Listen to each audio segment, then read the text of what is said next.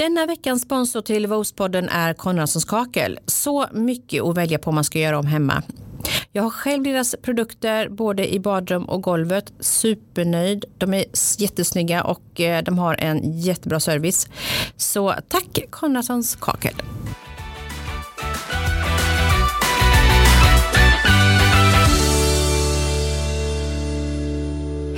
Och välkommen till Vospodden, Livets resa. Jag heter Pernilla och idag ska jag träffa härliga Therese Albrektsson som är entreprenör, föreläser och är nu inne på sin tredje bok.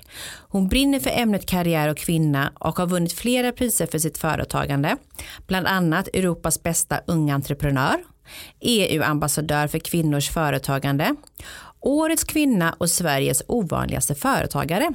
Som föreläsare om företagande kretsar hennes viktigaste budskap kring att fokusera på möjligheter istället för hinder och att våga misslyckas för att kunna lyckas.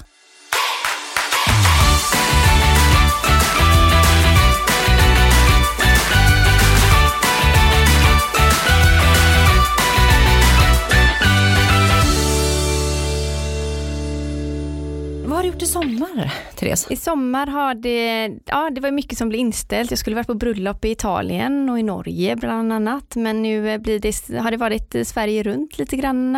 I Fiskebäckskil har vi sommarställe och eh, min eh, sambos föräldrar i Torekov och sådär. Så att vi har rest runt lite grann. Mm. Som ja, många andra. på vänner. Ja. ja, som många andra har blivit. Ja, Eller, men det är har gjort. jättemysigt. Ja men det Ja. är ju det. Man har ju faktiskt upplevt Sverige på ett nytt sätt tycker Ja. jag.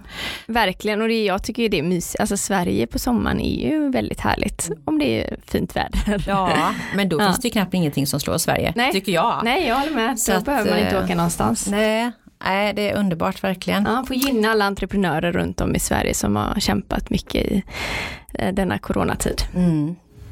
Helt rätt. Idag så ska vi prata lite grann just det här, eh, ett ämne som du brinner jättemycket för.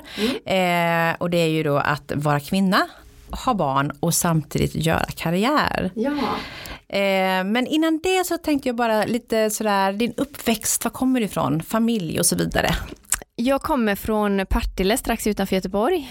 Eh, jag är uppvuxen med min eh, mamma och pappa och min lillebror. De skildes när jag var 14. Eh, och sen spelade jag mycket handboll och idrottade väldigt mycket. Kommer från en väldigt tävlingsinriktad familj som har bidragit mycket till att jag antagligen gör, eh, har gjort det jag har gjort under min Som har vuxna tid. format dig Ja. nu kan man säga, eller sen du gick in i, i eh, entreprenörskapet Ja, kan jag tänka mig. Verkligen, Det är en för bra där behöver egenskap. man lite jäklar anamma och ja, eller det behöver man väl med allt i livet. För det går, kommer motgångar och medgångar och man får kämpa sig till det man vill och då behövs lite extra krut sådär. Absolut. När kom ditt egna entreprenörsintresse? När, när kände du att du liksom drogs åt det hållet? Jag har ju ingen eh, bakgrund i, i form av att familjen var en entreprenörsfamilj eller sådär, men utan det var mest på gymnasiet när jag läste Ung Företagsamhet, eh, ett projektarbete där man startar upp och driver ett bolag eh, sista året på gymnasiet. Och jag tyckte det var helt fantastiskt. Där fick man möjlighet att starta eget, eh, man fick det fanns inget rätt eller fel, mm, det fanns inga begränsningar, man fick göra precis som man ville nästan, bara man eh, ja, sålde sina varor eller tjänster. Och sen att man fick så mycket nätverk runt om.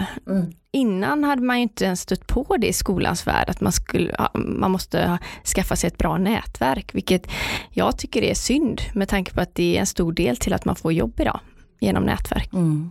Ja men visst är det så. Det är ju, alltså just att ha kontakter på olika sätt oavsett var man hamnar i livet Ja. så är det ju alltid bra. Och det är ju faktiskt som du säger att skolan eh, tar ju inte upp den delen så mycket kanske som, som, eh, som behövs egentligen. Nej, verkligen. Och det, då blev det att jag tyckte att det var så kul. Så när jag hade tagit studenten så kände jag att nej, jag vill inte plugga vidare. Jag vill ju verkligen eh, fortsätta driva eget. Så ja, då föddes lite den eh, tanken och idén att fortsätta med det som jag hade dragit igång på gymnasiet. Ja. Och vad jag har läst då så var det säkerhetsprodukter. Ja, det stämmer. Det var självförsvarssprayer som förblindade eh, förövaren i 5 till 15 minuter, ungefär så man skulle kunna fly från platsen och sen färgade det förövaren så att färgen skulle sitta i då eh, några dagar så att man skulle kunna hitta förövaren.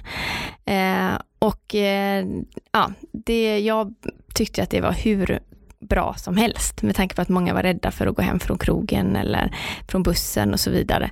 Och sen att man då också kunde spåra att det satt i porerna den här röda färgen. Och att den var laglig såklart, annars hade det varit lite jobbigt. Men det var inte så att du, upp, att du fick uppleva någonting själv som gjorde att du blev rädd och, och utan det var en idé som du och, och dina tjejkompisar då i skolan? Jo, ja, både och. Eh, det ena var ju att eh, ja, idén föddes genom att sprayen fanns ju så att min, jag fick den av min farbror som tyckte att jag skulle behöva den. Men sen hade jag ju också blivit eh, neddrogad på krogen eh, och det hände ingenting med mig och sådär för mina vänner och så tog hand om mig och sådär. Men eh, ja, jag hade ju läst om andra där hade, de hade råkat mycket mer illa ut. Mm. Och då hade kanske inte en spray hjälpt, men då var jag inne på mycket annat säkerhetsprodukter som hade kunnat hjälpa i det sammanhanget. Mm. Och det hade du några år? Ja, det hade jag några år. Och eh, hade gärna fortsatt med det om det inte var så att jag eh, skadade mig allvarligt. Eh, så att jag ja, fick blödningar i huvudet som gjorde att jag inte orkade och kunde fortsätta helt enkelt. Utan jag var tvungen att fokusera på mig själv och ta hand om mig själv mm. för att bli bra igen. Vad var det som hände? Jag, skulle, jag bodde mm, här i Göteborg i Vasastan och skulle gå ner för min spiraltrappa. Och så när jag då, mm, ja, alltid lite bråttom, så trampar jag snett och så ramlar jag baklänges och så slår jag huvudet i stentrappan. Och sen ska jag, jag svimmar ju då, så jag minns inte och jag vet inte riktigt, men vad jag fått berättat så har jag då studsat, eh, för man kan se då där jag tappar mina grejer och sen var man hittar mig då så har jag studsat Nej, men fy långt ner på bakhuvudet. Så då ja, blev det, så det blev mest liggandes i ett mörkt rum, svart och kurera med under ah, lång tid. Under lång tid, ja. Mm. Mm. Så då, då kände jag att nej, det är viktigt, för att kunna bli frisk, då kan jag inte ha företag hängande över mig och allt vad det innebär. Nej, för sen så, du hoppade i högskolan. Ja. Det var ju ett val du gjorde. Ja. Eh, har du ångrat det någon gång idag att du, att du inte har, har gått högskolan? Eller känner du att? Nej, vi, vi, pratade faktiskt om det för några veckor sedan, för jag funderade på att läsa en kurs eh, i ett ämne som jag var intresserad över och jag har aldrig pluggat på högskola.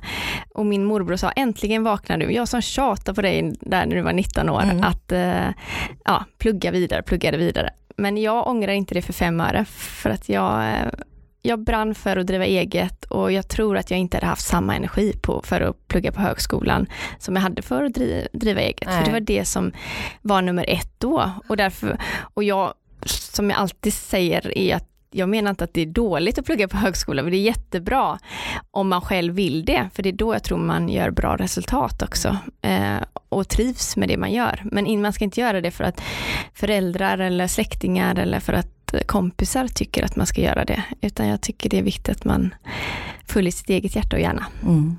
Nej men jag har inte heller gått på högskolan. Nej, vad bra. Och jag är ju också egenföretagare så ja. att eh, då är vi två. Ja, Eller vad bra. Ja. ja. Nej, men det håller... finns mycket positivt också såklart. Men, eh, men eh, just då kändes det inte rätt för mig och det har inte känts rätt att hoppa på eh, studier under de här åren heller. Nej, och du har ju haft att göra. Ja, eller hur? Jag har haft fullt, fullt sjå, men jag kan ju fortfarande höra om till exempel min 90-åriga farfar, ska du inte skaffa dig ett riktigt jobb någon gång? Ja, han säger det ja. fortfarande. Så här, men gud, jag har haft massa anställda och fått alla andra folk i arbete och mig själv i 15 år, men det är fortfarande inte samma sak att driva eget. Nej. Jag, vissa andras ögon. Mm. Så är det ibland. Ja. Hur har du fått kunskaper då att driva eget företag? Eh, jag menar, har du lärt dig själv eller har du haft en mentor? Eller? I början så var jag ju väldigt, eh, väldigt noga med att ta hjälp av som sagt det nätverk som var betydelsefullt som jag jobbade med att bygga upp. För jag hade ju inget, inga kontakter innan inom den, inom den världen. Men jag var inte rädd för att ta kontakt med folk och jag ringde och bokade luncher och frukostar och var på massa nätverksträffar och eh, min, min tanke var ju alltid, eller min fråga som jag alltid ställde mig var ju hur kan jag skapa det eller hur kan jag skaffa det?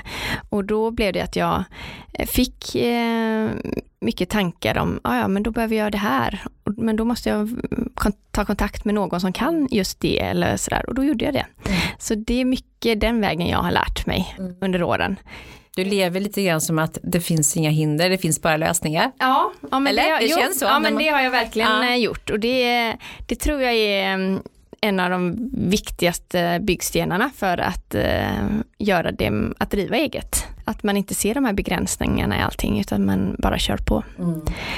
Och det kunde jag känna efter ett par år. Där ibland så trodde jag väl att jag kunde mycket mer än vad jag kunde. Och det var nog bra på ett sätt för att uh, då är man inte så rädd. Och ja, man bara tutar på och ser inte alls att det var större berg än vad man trodde när man gav sig in i det. Man, och det var väl tur kanske, ja, må många ja, gånger. Ja. Att man körde på istället för att, att titta, sig, titta bredvid liksom. Ja, exakt.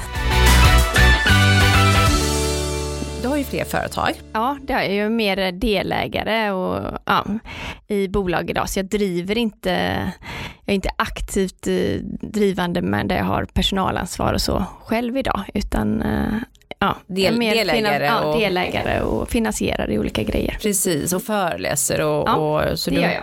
Vad är det som liksom gör att, att du vill hålla på med olika saker? För det är ju verkligen olika saker just där att föreläsa och vara delägare i företag och ändå vara ja. väldigt delaktig i det. Eh, vad är det som, som driver dig att ha många bollar i luften så?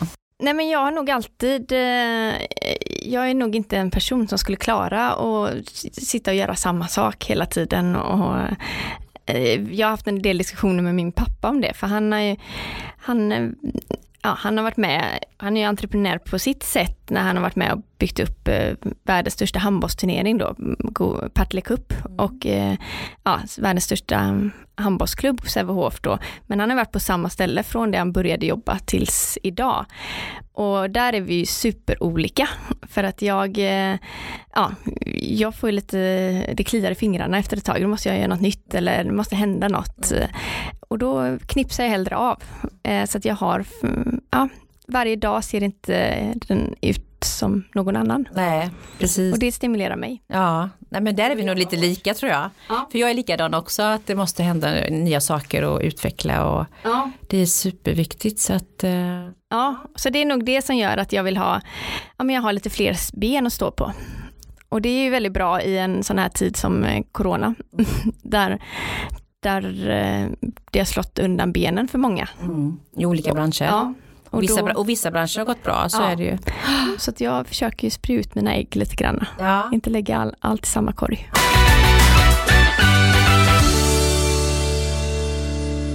Du har ju gjort två olika böcker, dels då Våga, vårda och vinn och sen då boken Dålig mamma och superkvinna.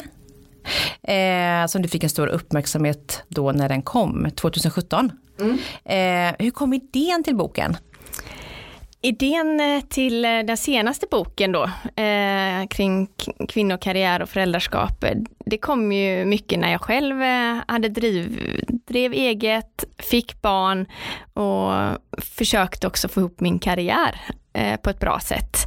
Och många sa alltid när jag var yngre så här, ja, vänta tills du får barn, då ser du att det är inte så lätt. För att jag fick ofta höra, hur är det att vara kvinna och ung och driva eget till exempel. Och jag har alltid tyckt att nej men jag fokuserar inte på det, utan jag fokuserar på fördelarna med att vara kvinna och ung och jag sticker ut på ett annat sätt, till exempel i säkerhetsbranschen när det var en säkerhetslunch och det bara var män över hela och så var det jag och en till kvinna. Det var ju toppen, då visste alla vem man var sen.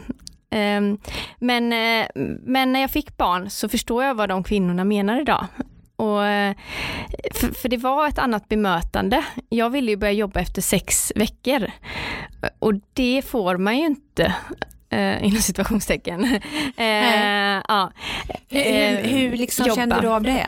Nej men jag fick ju mycket kritik eh, av i synnerhet andra kvinnor som tyckte att men gud stackars barn och du borde inte jobba nu, du ska vara hemma och bara njuta med barnet och ja, och jag kände ju, jag fick ju sån, det kliade hela kroppen, för jag ville bara ut. Det var inte att jag inte ville vara med min dotter, men jag ville också jobba och göra andra grejer.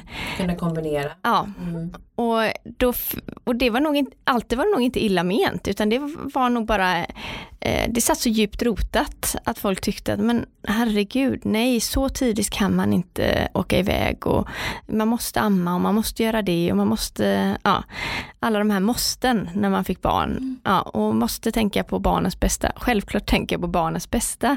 Men jag kämpade som ett svin för att pumpa för att eh, barnen skulle få bröstmjölk eh, och stack till Trondheim och då var moderator och sprang ut mellan, hade intervjuat folk på scen och liksom försökte pumpa ur mjölk och alltså slet verkligen. för att det skulle fungera ja, allting. för att det skulle fungera allting. Ja. Och eh, på natten gick upp och ja, tumde under tiden och allt.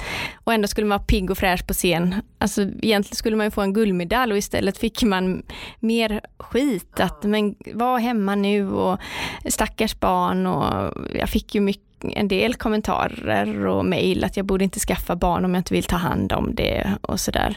Och det är klart att en del säger, att det är väl bara att skita i, men när man är nybliven mamma, man vill göra allt rätt. Eh, man vill inte göra fel och man jag i alla fall, vilket jag upplevt då att väldigt många andra kvinnor säger att man tar åt sig på ett helt annat sätt när det gäller föräldraskapet och barn än vad, det, än, en, gör. Ja, och än vad karriär också. Ja. Att man kan få mycket skit i jobbet men ja. det är inte alls mot vad ja, samma känsla som när man får det i föräldraskapet. Mm.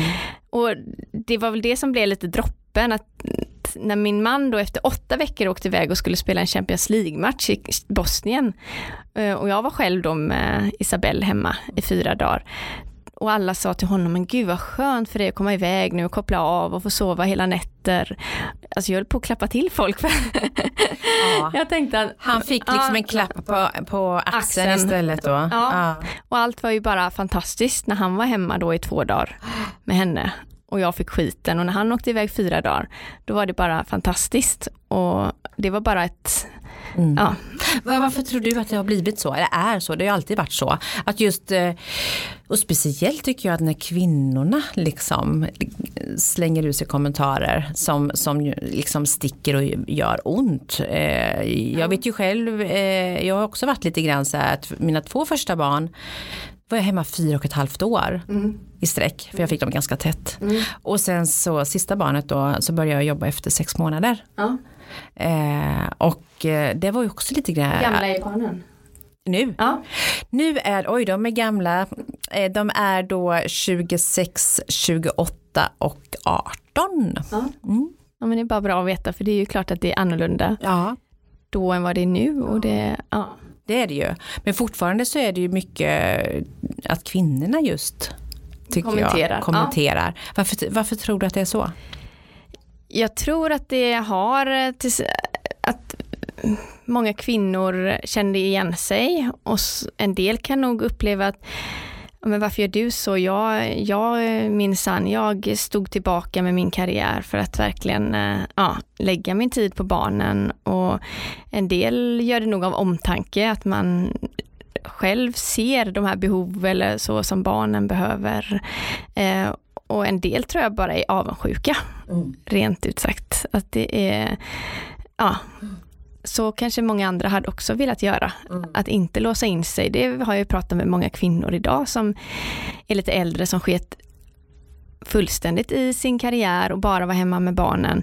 Och sen 15 år senare så eh, blir de lämnade av sin man och så sitter de där eh, med ett halvtidsjobb och ekonomi och ja, har mycket svårigheter på andra, på andra håll. håll ja, ja, och tycker jag har ställt upp och jag har minsann gjort allt det här för, att, eh, för familjen. Och är lite bittra ja, kanske då. Exakt, och så blir det en bitterhet istället. Så, att, eh, ja. Så det, det finns nog flera parametrar till varför det är så. Och sen att det är extremt djupt rotat att mamman ska vara hemma. Mm. Vi har ändå kommit jättelångt i Sverige i jämställdheten och är ett av världens mest jämställda länder. Och ändå sitter det så djupt i att kvinnan ska vara det. Och det ska jag säga som jag ja, vill lyfta fram, det är att i affärslivet så har vi ju en fantastisk eh, möjlighet som kvinna idag. Eh, men det är ju hem på hemmafronten det är mer seglivat och det är därför det blir sån extrem krock idag mellan arbetsliv och familjeliv än vad det var förr. För förr var, ja som du själv säger, du var hemma i fyra och ett halvt år. Eh, men idag så känner många kvinnor att de också vill jobba tidigare och då blir det en krock med att man samtidigt ska rodda familjelivet och arbetslivet och då blir det att väldigt många kvinnor går in i väggen. Mm. Det hör man ju. Ja. Och det, det, är ju tråkigt att det ska liksom vara så. Är det så att mannen inte tar tillräckligt eh, mycket ansvar hemma? Det är nog en kombination av att mannen eh, in, ja, släpper mycket men att kvinnan också vill göra mycket och ha den här kontrollen. Eh, I alla fall av alla intervjuer jag gjorde under två år mm. med både kvinnor och män. Och statistik och allt vad det innebär. Mm.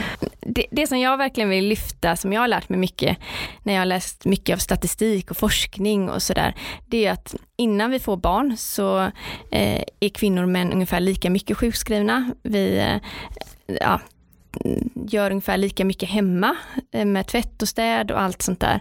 Men efter vi får barn, det är då det händer. Det är då vi blir dubbelt så mycket sjukskrivna som männen eh, efter vi får andra barnet, alltså i sjukskrivningar för att vi inte orkar. Första barnet går oftast bra, men andra barnet då blir det för mycket. Eh, och sen hemma så gör vi från att ha gått från att göra lika mycket till att vi gör sex veckor mer per år eh, hemma med tväd, tvätt och städ och allting och då är ändå däckbyte inräknat. Så att, ja, så att, eh, ja, det är helt galet. Ja, så det är där den stora eh, clinchen blir. Mm. Men vad, vad, jag tror också att kvinnan vill ha kontroll. Mm. Generellt. Ja.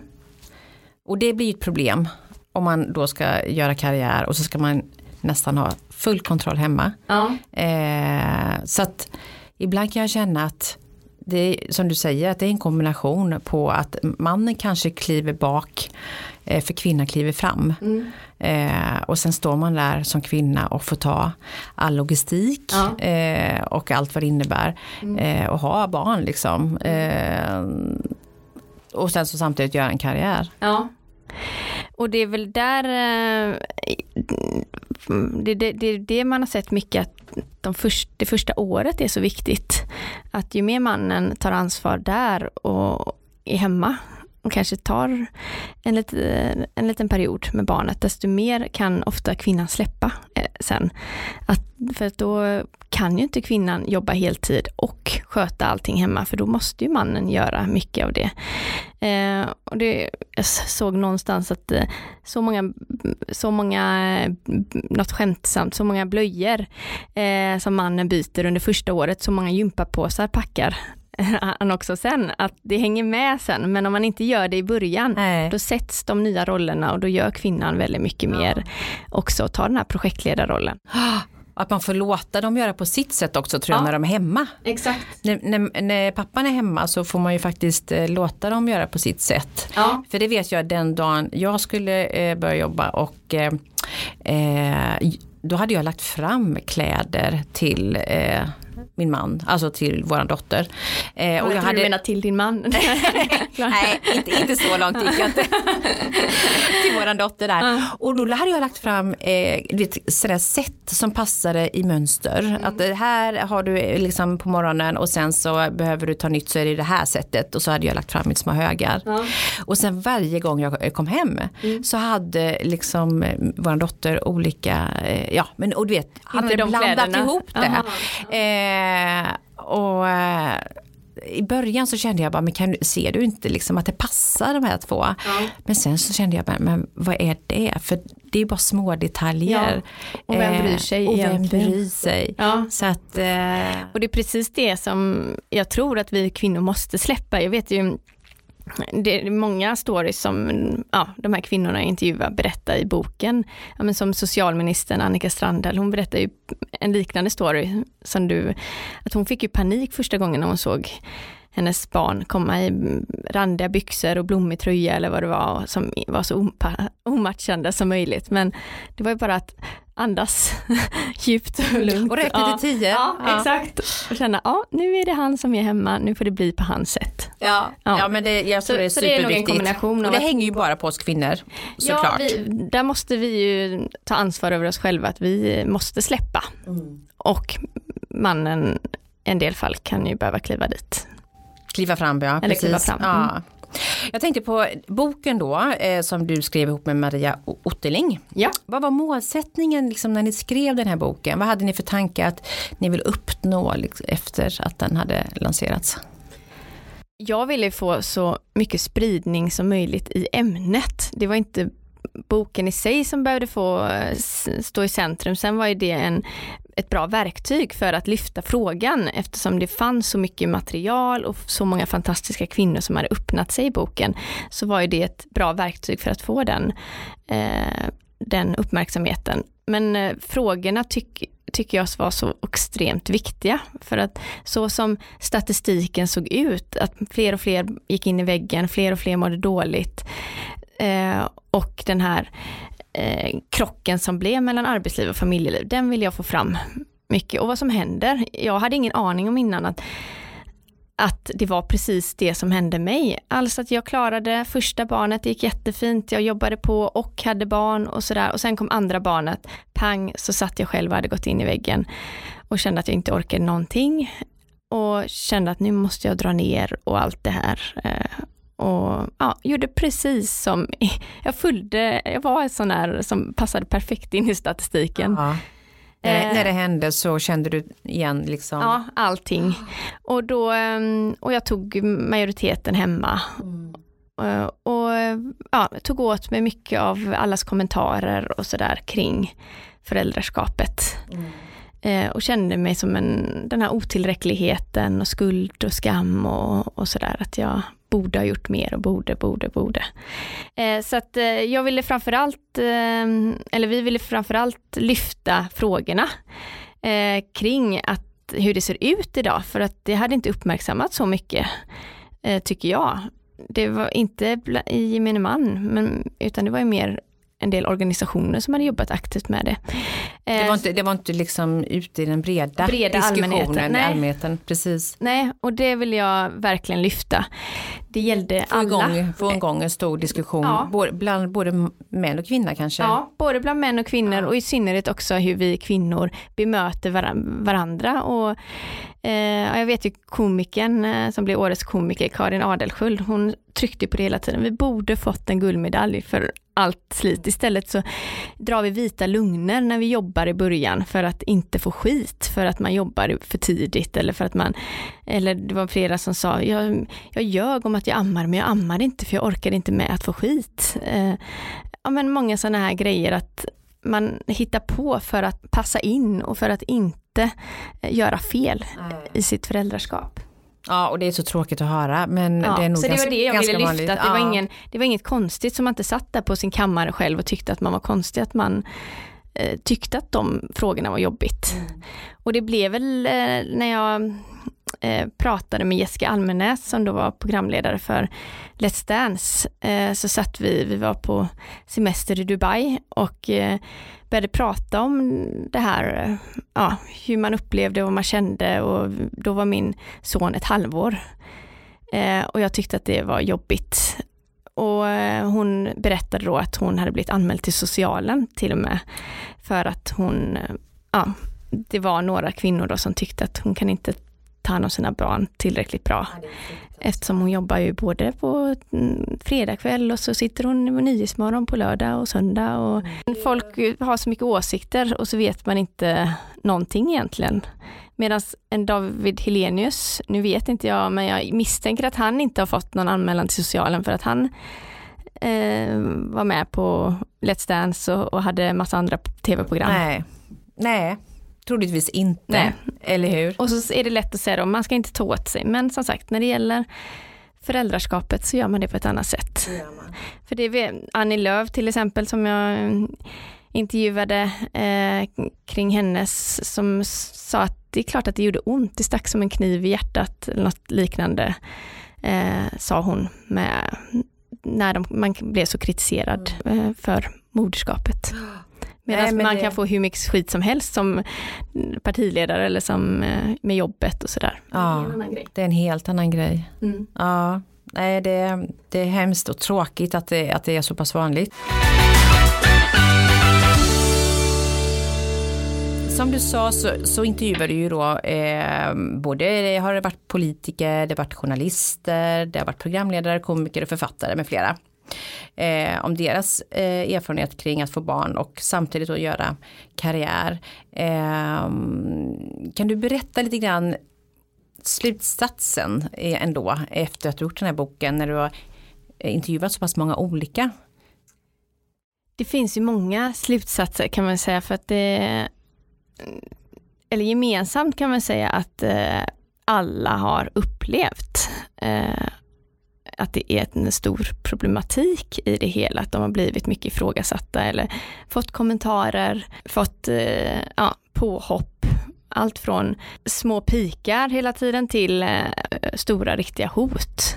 Eh, och eh, ja, anmälan och allt vad det är. Till att också, en gemensam sak var ju också att alla utom en eller två tror jag kommenterar mycket då att det bara är kvinnor som har eh, kommenterat eller sagt de här grejerna. Mm. Det var inga män som hade varit på.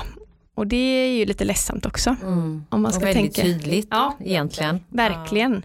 Ja. Eh, och sen alla de här olika berättelserna som eh, har jag tyckt var jätteintressant. Jag trodde inte, eller jag hade förväntat mig kanske att en Camilla Läckberg, en Blondinbella, Jessica Almenäs, de skulle kunna berätta många spännande historier om, om det här ämnet. Och, men jag hade nog inte förväntat mig, vilket jag är väldigt glad över, att så många av politikerna öppnade sig så mycket kring och var så personliga. Eh, och till stor mån också privata. Mm. Eh, och det var väl för att de tycker också att det är ett väldigt viktigt ämne och att de vill att det ska lyftas. Sen var ju skillnaden väldigt stor kring hur man tycker att det ska lösas. Speciellt då bland politikerna. Alltså där, då, kommer det ju en, då blir det ju het politisk eh, debatt kring sådana bitar. Allt från att man ska lagstifta föräldramånaderna med vad mamma ska ta och vad pappan ska ta till eh, den andra sidan då som tycker nej vi ska stimulera med RUT och rutavdrag och stimulera att, med hushållsnära tjänster, alltså till exempel. Eh, så de bitarna var ju, men sen eh, gemensamt var ju också att frågorna skulle lyftas oavsett. Mm. Tycker du att det har gått för långsamt? Eller att det går för långsamt när det gäller de här eh, frågorna eller tycker du att det ändå börjar hända saker? Jag tycker det händer jättemycket. Mm. Eh, det säger ju många, jag hade ju inte barn för 15 år sedan, så det, jag kan inte riktigt uttala mig det då, men de som har barn för 15 år sedan och för 10 och 5 och nu som har tagit nästan hela, nästan ja. hela. Jag, jag hade ju småbarn för 15 år sedan. Ja. De säger, vad jag förstått så är det, har det hänt mycket. Eh, att frågorna har lyfts mycket nu, speciellt eh, de senaste åren. Men eh, eh, det är klart att det går för långsamt på ett sätt. Men det har ju med också hela samhället med allt runt omkring med andra förväntningar, krav som kommer in med det här med sociala medier. Vi ska ha perfekta hem, vi ska ha perfekta kroppar och vi ska ha perfekta barn. Allt ska vara så perfekt. Alltså hela den här perfekta sociala medier, eh, visa upp världen, har ju bidragit såklart också till att det har blivit en sån stresspress eh, med allt idag. Bland kvinnor? Ja. Eller, Eller mammor? Ja. Mm. Att du måste göra din egen eh, mat och du kan inte sitta på en bild med en burkmat eller vad det nu är. Precis, eller baka till skolan ja. när de ska ha något speciellt där. Och... Ja, som eh, Annika Strandhäll eh, berättade när de skulle baka till skolan så hade alla föräldrar då stått och gjort egen och hon kunde inte med att komma med en eh, köppaket så hon åkte, åkte till Coop, köpte eh, kakorna men åkte hem och la dem i egna plastpåsar så att det skulle se ut som att hon själv hade ja. bakat det och då styrs vi alldeles för mycket vad alla andra Ja men det gör man ju. tycker och tänker. Men det var hennes bästa lösning. Ja. Och det var jättesmart, Ja. eller hur? Ja. Eh, men det- Kortsiktigt. Kortsiktigt Ja. men ändå tråkigt att det ska behöva vara så egentligen och att man ska känna så. Ja. Men eh, Eller till exempel som, ja men jag såg ju bara igår att mm, Camilla Läckberg hade fått massa skit för att eh, hennes yngsta hade för tovigt hår eller, alltså jag fattar inte hur folk kan ha åsikter om så mycket i, eh, ja. Men det, så det ska ju kan det vara, vara att hon är känd profil eller kan det vara så att det kan hända vilken Nej, mamma där som har det helst? nog mycket med att hon är känd profil, Ja. men det kan ju, men med vanliga mammor, eller vad man ska säga, där är det ju mycket, ja men gud den har mussan och den har inte en mussa och den har det och den, eh, ja, den får flaskmat och den får inte, ja. Men jag tycker som sagt, mig ändå höra, nu var det ju snart nio och fem år sedan jag själv fick barn. Och eh, när jag, jag är ju så intresserad av dessa frågor så jag frågar ju väldigt mycket, men hur, hur har du upplevt det här och hur har du upplevt det idag och sådär. Och jag, det som i alla fall mm, ja, upplever är att folk vågar säga också mycket mer, nej jag vill inte amma eller jag vill inte göra det här eller nej, skit i om den, ja, om folk är på mig om det här. Och det är ju jättepositivt. Kan det inte vara så också att eh, exempelvis den här boken som du skrev Therese, att den måste ju ändå ha rört om, det har ju ändå varit stora kända profiler som du har intervjuat, att det på något sätt tog en, en början på en del diskussioner efteråt i olika forum. Jag hoppas ju det, för jag upplevde ju inte att det var så mycket diskussion om det innan, men sen kan man vara blind och vilja också se att eh, det har bidragit mycket. Men ja, boken hade ju stor, eh, som du säger, uppmärksamhet i ja, allt från riksmedia till eh, lokaltidningar. Eh, och, och det är klart att jag hoppas att frågorna har lyfts väldigt, väldigt mycket. Och det är klart att det underlättar att så många kända kvinnor var med, för då la ju de upp i sina forum och yttrade sig kring de här frågorna och hur de tycker och tänker. Och det blir ju väldigt bra spridning på det sättet då. Mm. Då är sociala medier väldigt bra. Ja, så det Eller finns hur? positivt och negativt med Det det. gör det, absolut. Ja. Vilken av de här berättelserna som du fick höra nu då under den här tiden när ni gjorde boken var den starkaste som du kände att som du tog verkligen till dig? Det, För de som inte har ja. läst boken. det var nog eh, väldigt många olika starka, alltså jag kan inte ta ut en, jag har ju berättat några grejer här eh, kring hur folk kände och blev bemötta, men det som påverkar mig mest är väl det när det blev mer dödshot kring eh, ja, ens barn. För att de inte tyckte man var tillräckligt bra mamma eller sådär. Det påverkade mig såklart. Men sen också något, eftersom jag brinner så mycket för det här med psykisk ohälsa, eh, så påverkar det mig väldigt mycket när folk öppnar sig, eller de här kvinnorna öppnar sig väldigt mycket kring hur de har mått i de här olika situationerna och hur en del berättar om hur de gick på antidepressiva och hade svårt att sova och tog till alkohol, alltså olika sådana bitar för att bara överleva vardagen. Och det, ja, det blir jag väldigt berörd av. För det- Fruktansvärt. ja. Det är ju fruktansvärt. Så det, ja. Så det är nog en, väldigt många olika.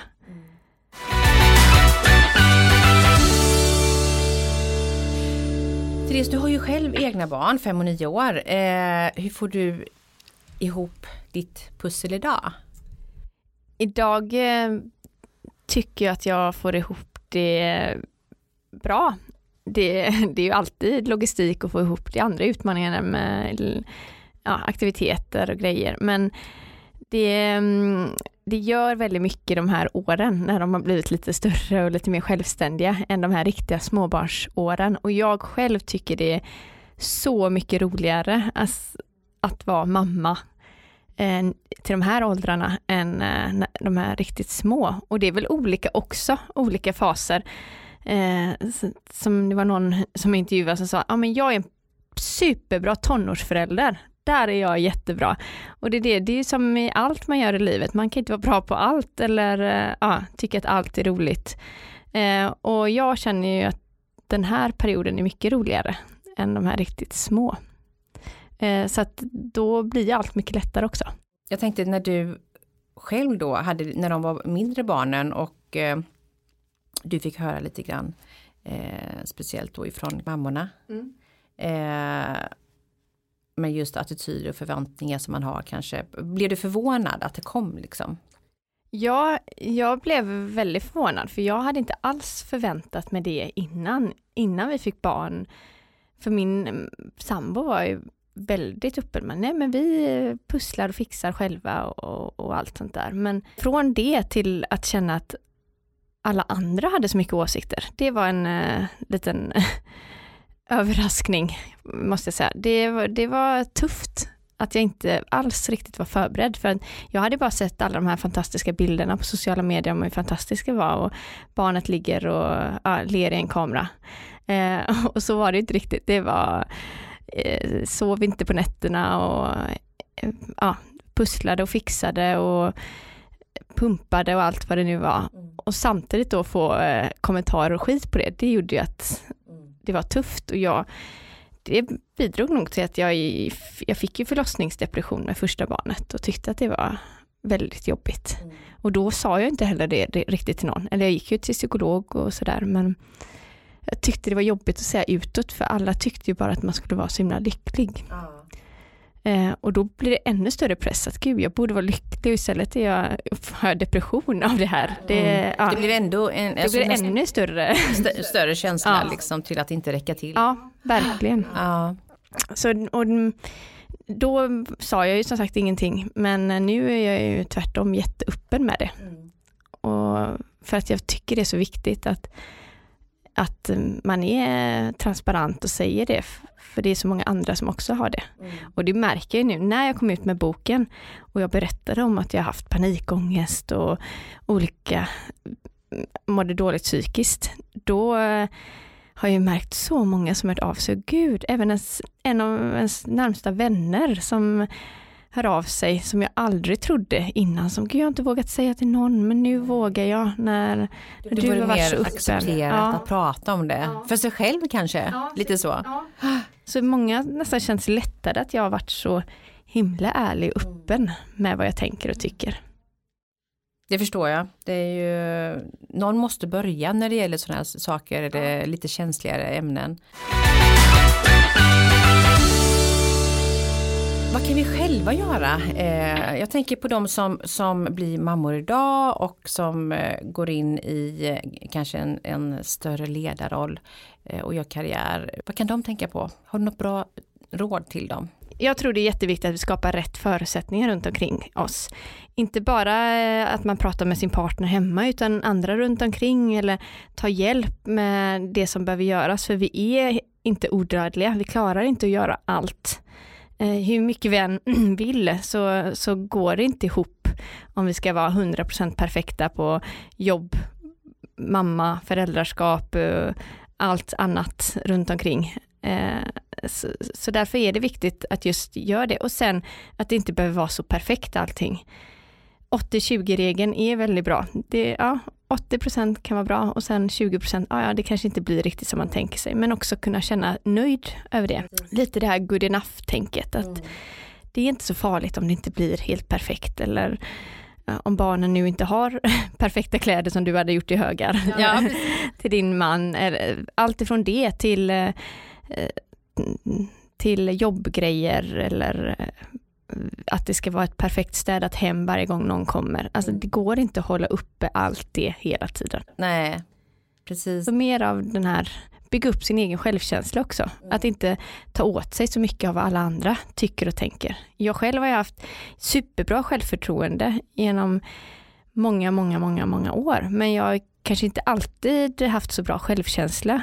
Eh, utan ja, inte alltid varit så nöjd eh, med det som är utan hela tiden velat mer och mer och mer och mer. Vilket har varit en supertillgång men också är jobbigt att man aldrig bara kan stanna upp och njuta lite och att inte ta åt sig så mycket då av kommentarer. För ofta som man har lite lägre självkänsla så tar man åt sig mer av kritik och, och, och folks åsikter. Mm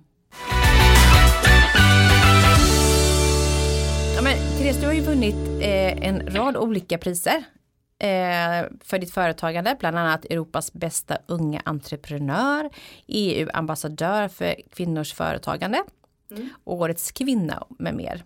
Vad tror du dagens karriärsmammor har själva för krav på sig eh, om vi säger om man jämför 5-10 år tillbaka? Jag tror att den största skillnaden är den här jämförelsehetsen som har blivit eh, mycket med sociala medier och eh, allt runt omkring. Att vi, man ska göra toppkarriär och man ska, man går från eh, mam mammamage till rutmage på tre månader och man allt ska vara, allt går på en sekund och man ska lyckas med allt. Eh, där tror jag att det är, är den största skillnaden, för jag tycker att det har blivit mer och mer och mer. Sen tycker jag det är bra att det lyfts också, mer att det här är inte så, så det ser ut. Vi jämför idag vårt inre, vilket inte alltid är på topp, vilket visar eftersom 10% av Sveriges befolkning är antidepressiva så mår vi inte så bra. Nej. Men att jämföra då sitt egna inre med andras fantastiska yttre, det är klart att det blir en jättekrock i ens egen kropp. Mm. Och där tror jag att kvinnor generellt, men också karriärsmammor som kanske är, har väldigt höga krav på sig själva, som vill lyckas med arbetslivet, vill eh, ja, växa som människor och som position i sitt arbetsliv, så är det klart att det blir jättetufft. Mm.